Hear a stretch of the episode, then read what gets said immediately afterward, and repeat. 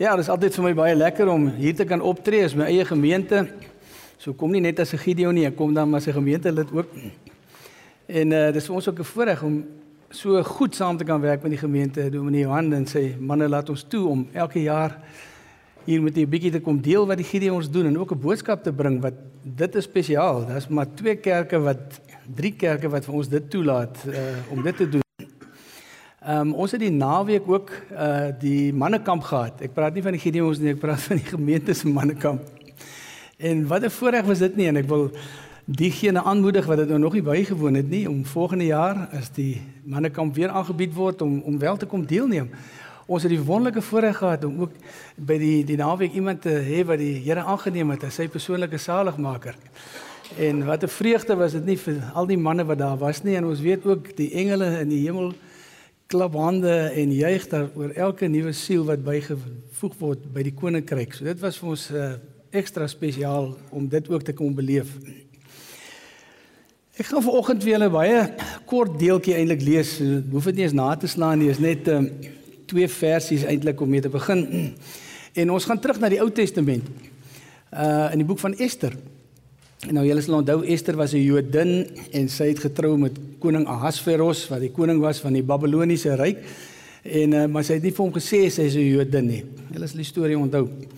Ehm um, so ek wil nou uh, net Ester 3 vers 1 vir julle met ons saam lees.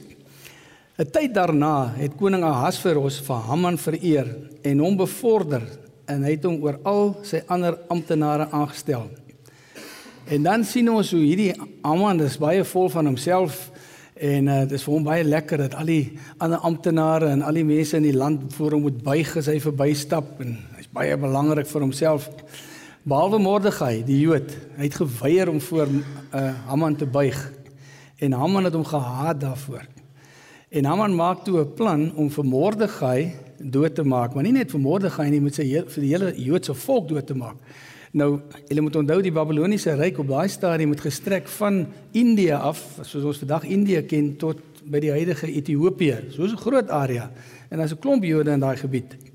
En dan lees ons in Ester 4 vers 1. Toe Mordegai hoor wat beplan word, het hy sy klere geskeur en het rou klere aangetrek en het as op sy kop gegooi. En het deur die stad geloop en hard en bitterlik gekerm. Die situasie het vir hom absoluut hopeloos gelyk. Sy hele volk gaan uitgemoor word omdat hy nie voor Haman wou buig nie. Maar die boek van Ester eindig nie daar nie. En weet jy vandag sien ons miskien 'n soortgelyke situasie. Daar's wanhoop in die wêreld en die Christendom is nie meer die hoofstroom uh godsdiens soos wat ons dit altyd geken het nie. Om die waarheid te sê, hulle praat van 'n post-Christen tydperk, post-Christen era waarin ons nou lewe. En ons hoor van oorloë en gerugte van oorloë, nasies wat teen nasies opstaan, hongersnood, aardbewings op verskeie plekke, mense wat ontrou word aan die Here, mense wat mekaar verraai en mekaar haat, wetteloosheid wat toeneem, valse profete buite en selfs binne die kerk wat mense verlei en mense wat afvallig word. Nou dit kon net sowel in die burger of enige ander plaaslike koerant gewees het want dit is wat ons beleef vandag. Maar weet jy waar ek dit nou uit lees? Het Matteus 24 vers 6 tot 12. Gaan lees dit maar daar. Profesie is daai tyd gegee en ons sien dit vandag in ons lewens gebeur. So om ons sien ons hierdie hooploosheid, mense wat regtig aan die einde gekom het van hulle geduld. Jy weet vroeër van jare het 'n jong man met die naam van Damon het hy in sy voortuin uitgestap met sy revolver in sy hand. En sy buurman het geweet van Damon se depressie en hy het probeer om met hom te onderhandel en met hom kalmeer en met hom praat.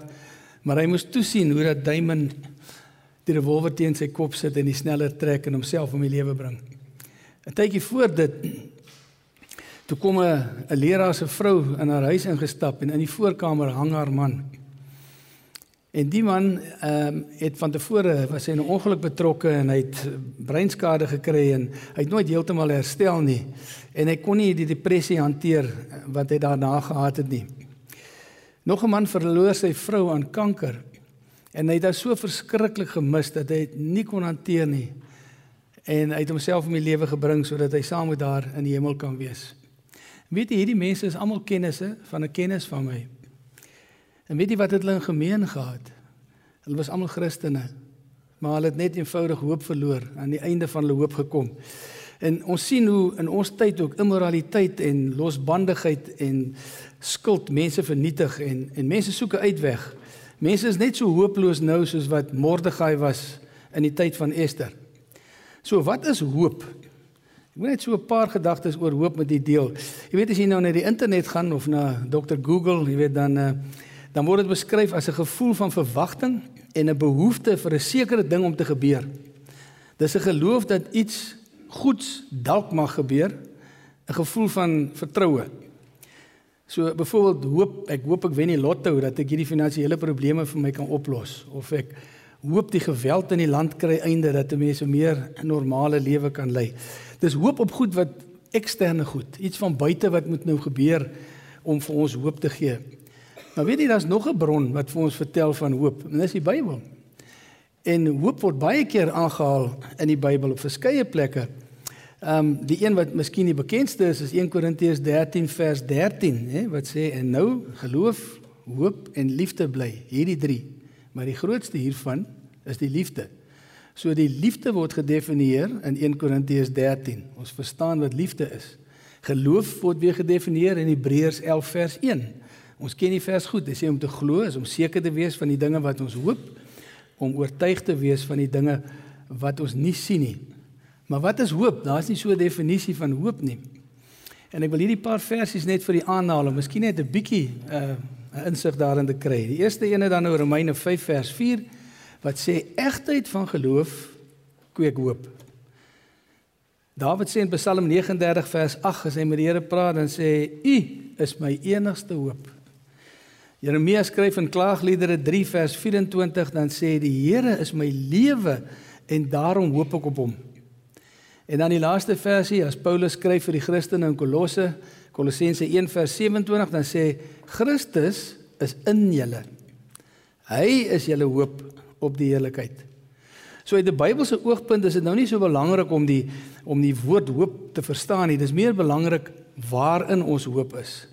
As Christene is ons hoop in God die Vader, God die Seun en die Heilige Gees. Daar's nie hierdie hooploosheid wat die wêreld aan te bied het nie. Ons hoop kom nie van buite nie. Ons hoop kom van die wete dat Jesus in ons is en ons weet hy verander nie.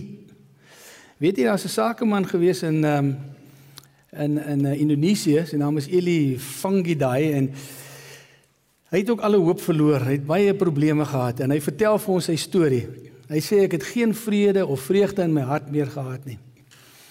En ek het besluit om selfmoord te pleeg. Dis nou net nie meer die moeite werd nie en ek hang toe myself op in my kamer. Maar toe kom my swaar betyds daaraan en hy sny die tou af en my liggaam val op die grond en ek begin weer asemhaal. En my familie is verskriklik bekommerd en ek sê vir hulle los my net uit. Ek het klaar besluit dat ek gaan selfmoord pleeg. So los my, moenie my probeer oortuig of my probeer red nie. Die familie skrik natuurlik so groot want wat staan hulle nou te doen? Hulle bel die polisie. Die polisie kom haal die ou en hulle sit vir Elie in die tronk. En uh my het so 'n skeermes lemmetjie het in sy sak gehad. En hy het toe gesit en wag tot daar nou nie 'n polisieman in die omgewing is nie en hy gaan badkamer toe en hy haal die lemmetjie uit sy sak uit en hy kom terug nou na sy kamer, na die sel waar hy is met die gedagte om nou sy pols te gaan sny. Hy sit, hy sê ek sit my pols op die linkerhand op of linkerarm op die uh, tafel neer En net toe ek met die lemmetjie my pols wil sny, toe sien ek maar daar op die hoek van die tafel wat my arm op is, lê daar so so 'n klein boekie. En hy is toe nuuskierig.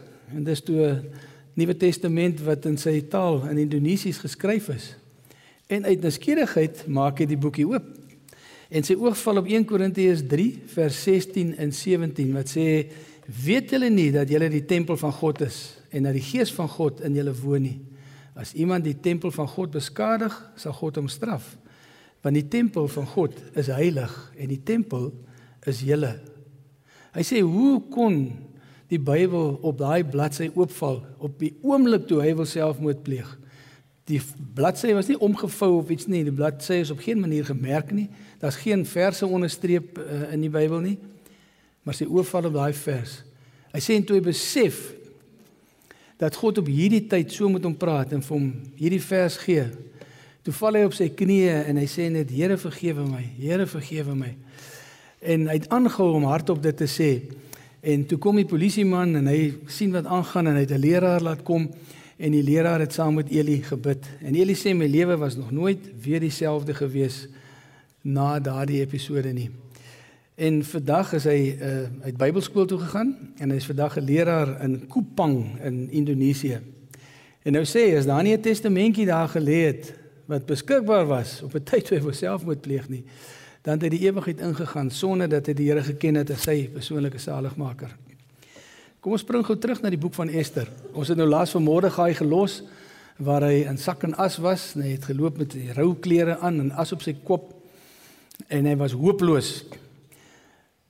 Maar Mordegai het nie hooploos gebly nie. Hy het iets daaraan gedoen. Hy het gegaan na koningin Ester En nou haal ek die vers aan in vers Ester 4 vers 14 haal ek sy woorde aan.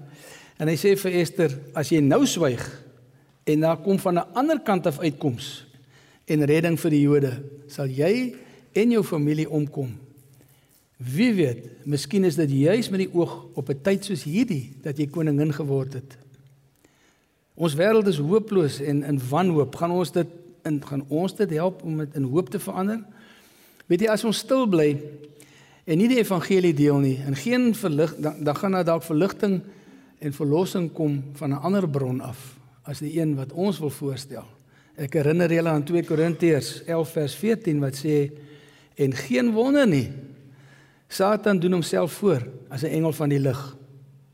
As ons nie die geleentheid aangryp nie en as ons nie vir Christus aanbied vir mense nie, die lewende hoop vir die lewe nie. Wie weet dan mag ons en die kerk dalk tot niet gaan omdat ons stil gebly het. Ek het nou met iemand staan en praat. Ons as Christene bly tog so maklik stil en so vermak of so verdraagsaam ehm um, wanneer ons heiland aangeval word van buite. Julle ken al die Gideons? Ons het nou al 'n paar keer hier opgetree. Ons is doodgewoon maar net professionele uh, Christen professionele en sakemanne en ons het besluit ons gaan nie stil bly nie. Ons gaan die evangelie uitdra en ons doen dit deur ons persoonlike getuienis wat ons die vrug van die gees wat ons moet uitstraal teenoor mense. Ons ook getuig teenoor mense. Ons assosieer saam as 'n groepie en versterk mekaar se getuienis. En ook natuurlik wat die deel wat julle die, die beste ken is om die woord van die Here te plaas in wat ons noem die verkeersweë van die wêreld. Nee, dis nou plekke waar mense nie andersins die Bybel optel of in 'n kerk kom nie en nou het hulle 'n oomblik en hier is die woord van die Here beskikbaar en hulle kan daaruit lees. Nou om 'n paar voorbeelde te gee, ons groepie hier, want ek ehm um, dit geld vir die hele Gideon bediening, maar ek praat nou so 'n bietjie oor ons klompie hier in die Durbanville omgewing. Ons het elke Sondag ehm um, na kerk gaan ons na die polisie selle. Ons het so 'n rooster waarop ons werk en elke ou kry 'n beurt en dan gaan praat ons met die manne wat by mekaar gemaak is oor die naweek sien. En dan het ons die geleentheid om vir hulle die evangelie te bring en dan ook vir hulle so 'n testamentjie te gee in hulle eie taal. Want hier in ons land versprei ons die die testamentjies in 10 verskillende tale. Ek kom eendag juis so van 'n Gideonsvergadering af uit Pretoria land hier op die Kaapstad internasionale lughawe en een van my mede-Gideons in hierdie area, ons praat van 'n laar, maar net die teg die woorde wat, wat ons gebruik. Die, en ehm um, hy vra vir my of ek nie 'n Chinese testament het nie.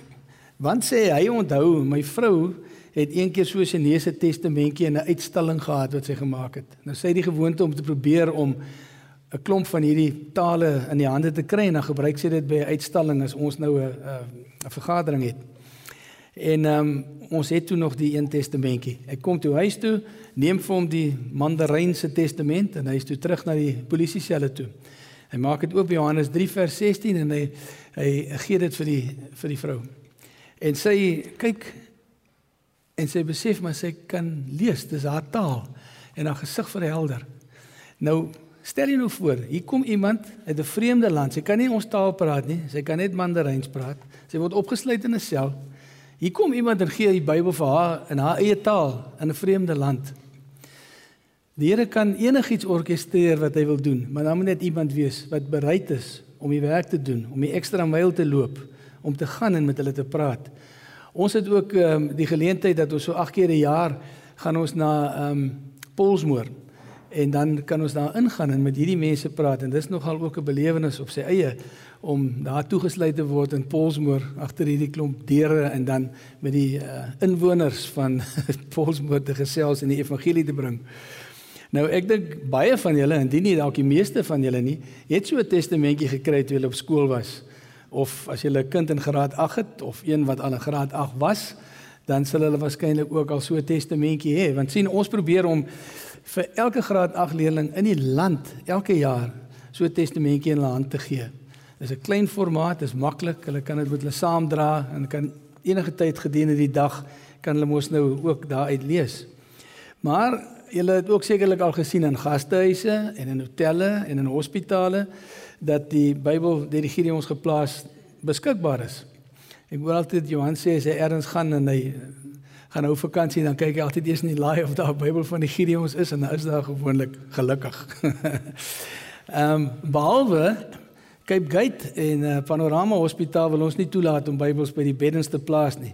So as van julle daar is dan kan hulle gerus vra vir 'n Bybel en vir die bestuur vra, waar is die Bybels dat ons dan weer die kans kry om daar in te kom. Want dit dit is 'n tyd waar mense in nood is, die pasiënte nou ehm um, en regtig vatbaar is vir die woord van die Here dat dit dan beskikbaar moet wees dat hulle uit kan lees. Nou ehm um, ons gee ook vir uniformpersoneel, jy weet die polisie, die uh, weermag op spesiale versoek, brandweermanne en so aan uniformdienste. Uh, maak ons ook die testamentjies beskikbaar en ons vrouens het ook weer hulle eie bedieningsgebied. Hulle doen dieselfde as wat ons dien doen, maar hulle fokus nou op uh, verpleegsters, op die personeel by uh, aftreeoorde, Ehm um, hulle gaan ook vir in die hospitale byvoorbeeld na die vroue sale en in die gevangenisse sal hulle ook met die vroue gevangenes praat en hulle gaan ook na te huise vir mishandelde vrouens waar hulle die woord van die Here versprei. So ons sê altyd ons funksioneer as 'n verlengde sendingarm van die kerk. Die kerk is nie noodwendig daar nie. Ons gaan en maak die getuie die die woord beskikbaar. Jy gaan met hulle deur die pad van saligheid wat opgesom is agter in die Bybeltjie wat dit baie eenvoudig maak om vir iemand na die Here te lei. En dan stuur ons hulle terug na die kerk toe. Want dit is die kerk se plig om hulle te leer dat dat ons uh groei op die pad van heiligmaking. Ons is nie gerad daarvoor nie. Ons is 'n sendingorganisasie. Ehm um, so wie ons buite natuurlik as ek iemand met iemand buite praat dan verwys ek hulle almal na die gemeente toe, maar waar die Gideon dan ook al aanbid, sal hulle na die gemeentes toe verwys word. Ehm um, Op die oomblik is die Gideons in 200 verskillende lande werksaam. Ehm um, en ons versprei die Bybel in 170 verskillende tale in die gedrukte vorm. Maar ons het ook 'n app, jy kan op die App Store kyk Gideon Bible app waar die Bybel beskikbaar is in omtrent 1600 tale op hierdie stadium. Dit is natuurlik vir ons nuttig wanneer ons gaan na die ehm um, lande waar Christene nou vervolg word want jy die baie van die ehm um, Bybels is ook op audio beskikbaar. So jy kan dit net op jou foon aflaai om op audio sit. Die dames met die burkas op en so aan oorfone insit. Niemand kan dit sien nie en dan kan hulle na die woord van die Here luister in hulle eie taal sonder dat hulle vervolg hoef te word. So dit help ons in daardie lande.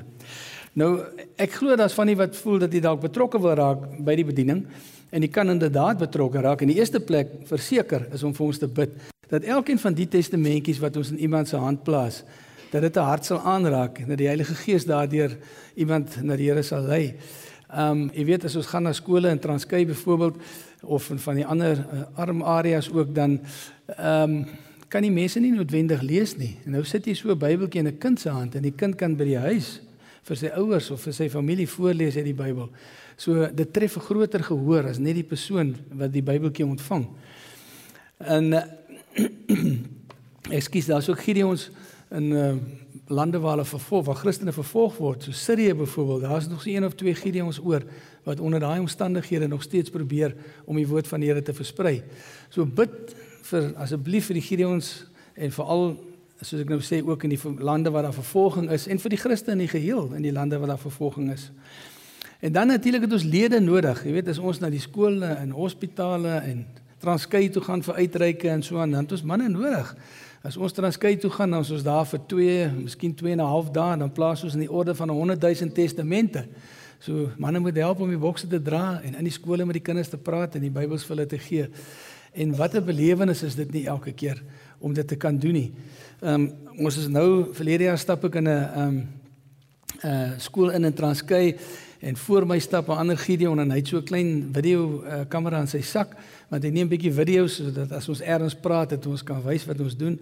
En die skoolhoof sê vir hom, "Are you a reporter?" En ehm um, hy sê nee, hy is nie 'n reporter nie, hy's 'n Gideon en ons vir die kinders Bybeltjies gee. En ek stap toe net agter hom in en ek bevestig toe ons is inderdaad Gideons en nie reporters nie en dis hoekom ons daar is. En hy sê vir my, "Where are the others?" Nog ek, "Ooh, wat kom nou?" Ehm um, ek sien nou is nog twee manne maar hulle is buite by die bakkie en weet hulle pas die Bybels op.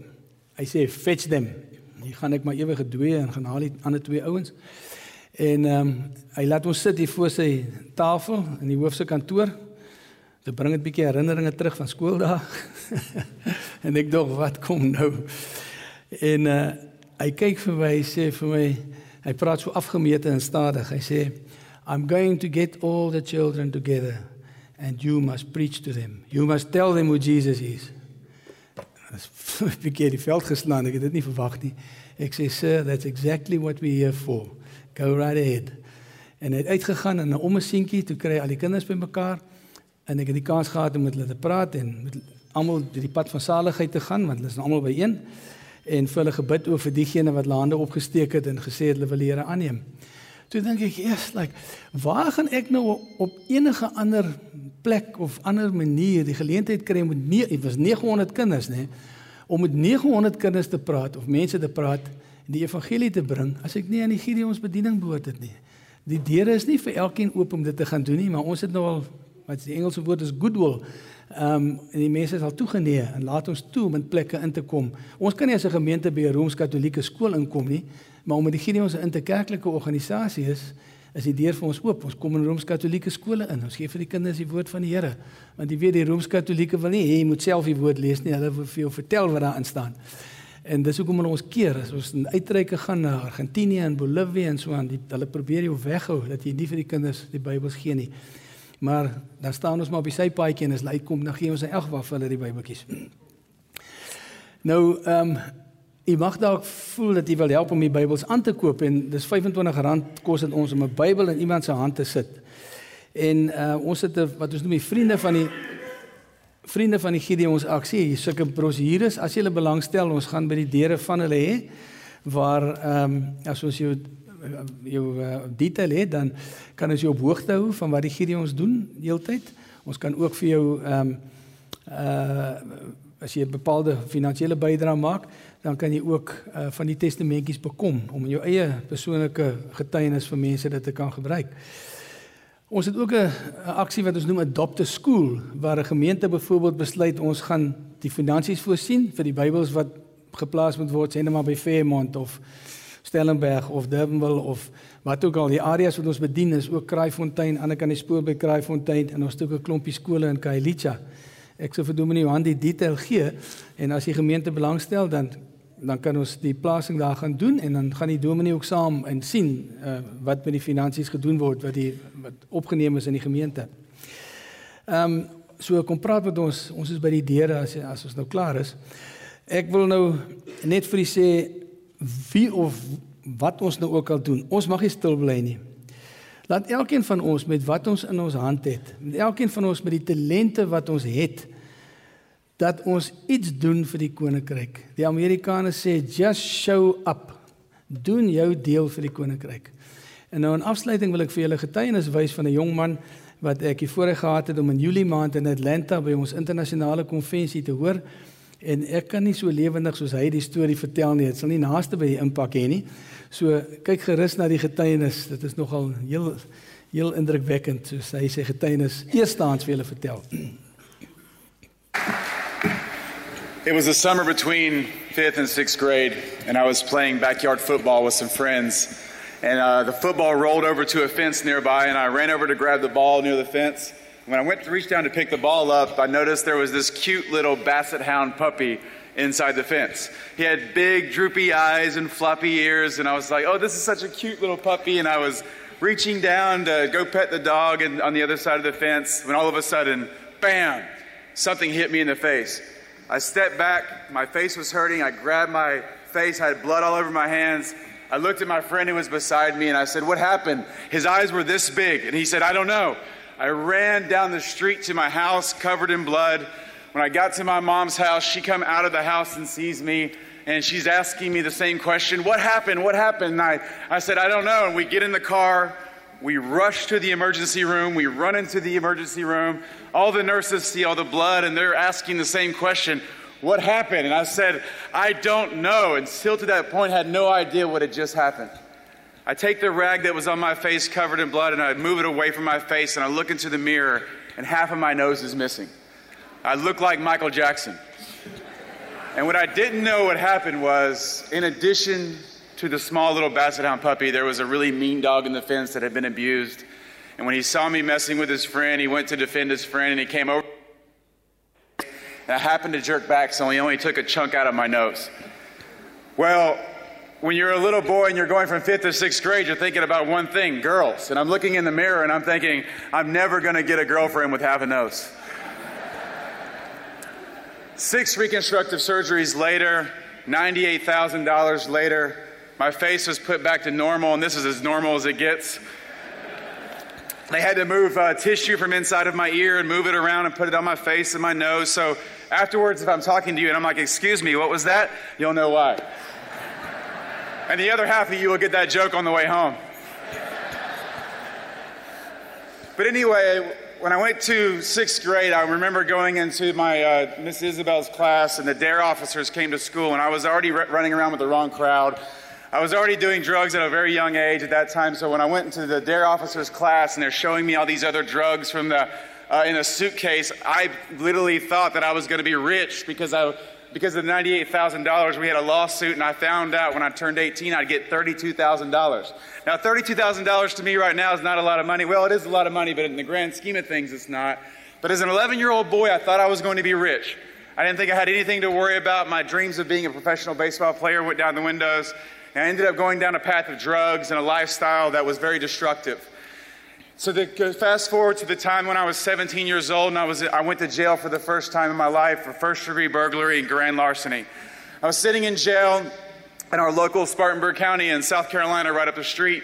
And I, I was sitting there and I'm, I'm a little bit ADD, and so I'm like all fidgety all the time, and I'm always trying to do something. And I'm sitting in jail and I walk into the cell, and the first time that I'm in jail, I, I go in and there was a giant man who was like six foot five in my cell and there was another guy whose name was Thug, and he had it tattooed on his chest T H U G, Thug. So my life decisions led me to this point where now I'm in jail 23 hours a day, only allowed out one hour a day. So most of my time was spent looking out a little window in my jail cell.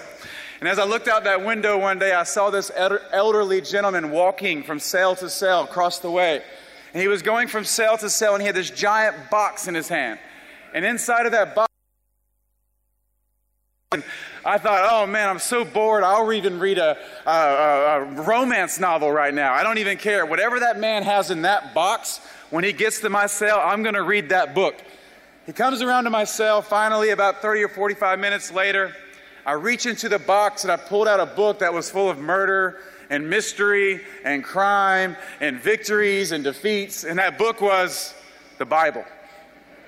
And for the very first time in my life, as a 17 year old boy, I opened up the Bible and I began to read the Bible. And I read it from the beginning and I started reading through the Bible and I was like, uh, this is some crazy stuff. There's a lot of crazy things going on in here. And I got to a story about a man named Achan who had stole something and stuck it under his tent. And then the earth started opening up and eating people, and God was not a happy camper. So I started freaking out, and I'm like, oh no, this guy stole one thing, and the earth opened up and ate a bunch of people his family and everything. And I'm literally freaking out here in my jail cell, and, and all of a sudden, I'm thinking, I've stole way more things than one thing. So I'm definitely going to be, the, the, the jail cell's about to open up. The earth's going to eat me right here in this jail cell. I said, if this is real, I'm really freaked out right now. Well, then my, my partner who was in the jail with me, this giant six foot five man, he looks at me and says, Daniel, what's going on? Why are you afraid? And I says, Oh, well, Ray, I think God's going to kill me. He says, What are you talking about? God's going to kill you. Well, this guy stole one little thing and all this stuff happened. And I've stolen a lot of things and I've done a lot of bad things to a lot of people, including my family and friends and people that are closest to me.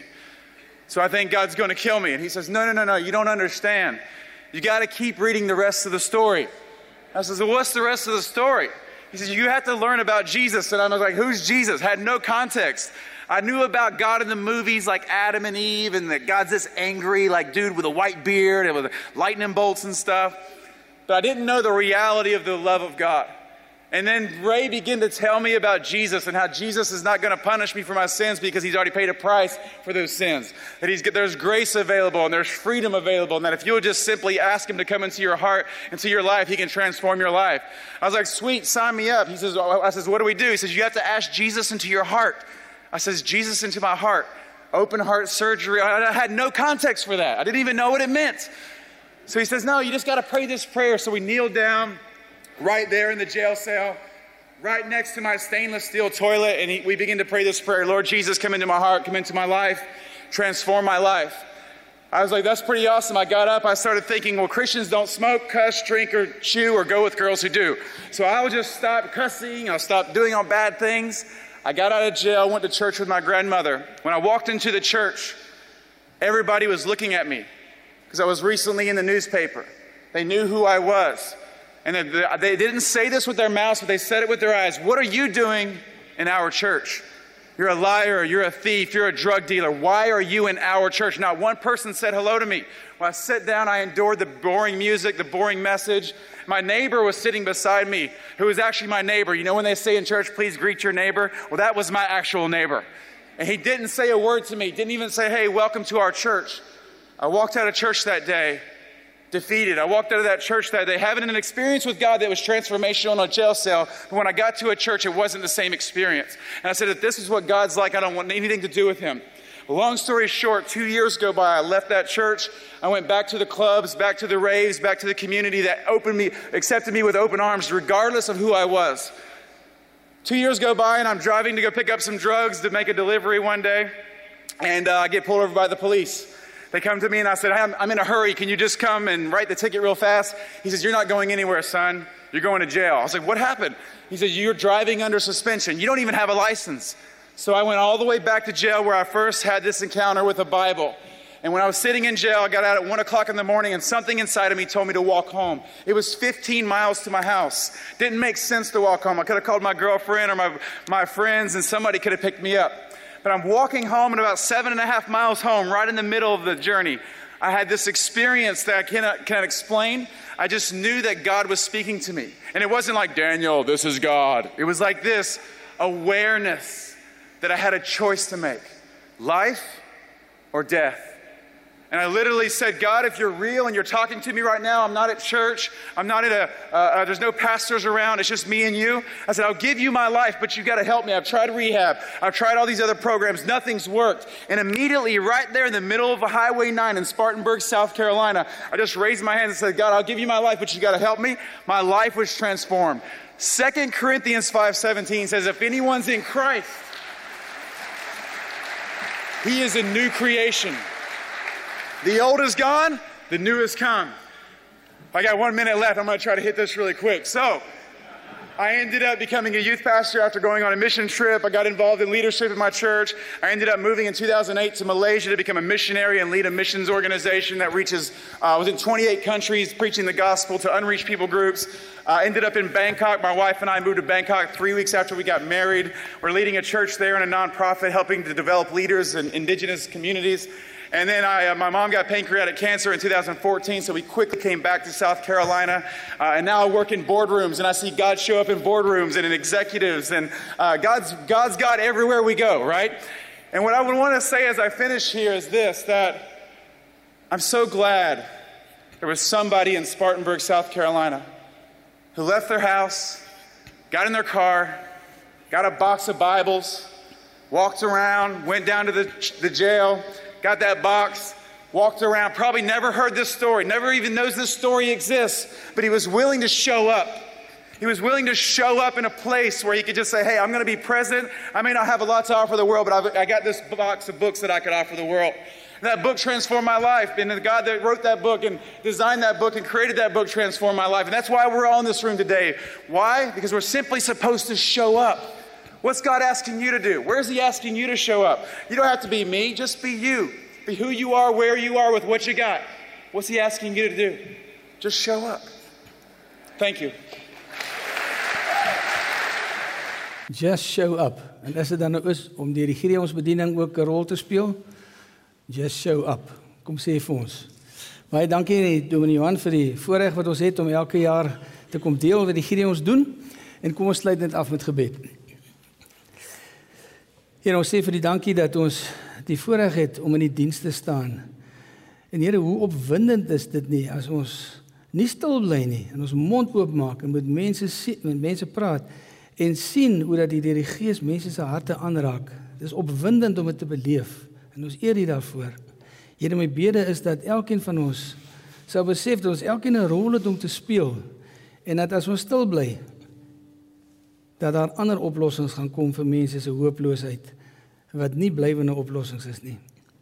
Here, ek bid vir die gemeente, ek bid vir die leraars in die gemeente en dat die hand van beskerming en die hand van seën oor elkeen van ons sal hou. Here, ek bid ook dat die dag wat nou voorlê vir ons 'n geseënde rustyd sal wees en dat ons in hierdie week ook dag vir dag, oomblik vir oomblik van U teenwoordigheid bewus sal wees. En dit bid ek in die naam van Jesus alleen. Amen.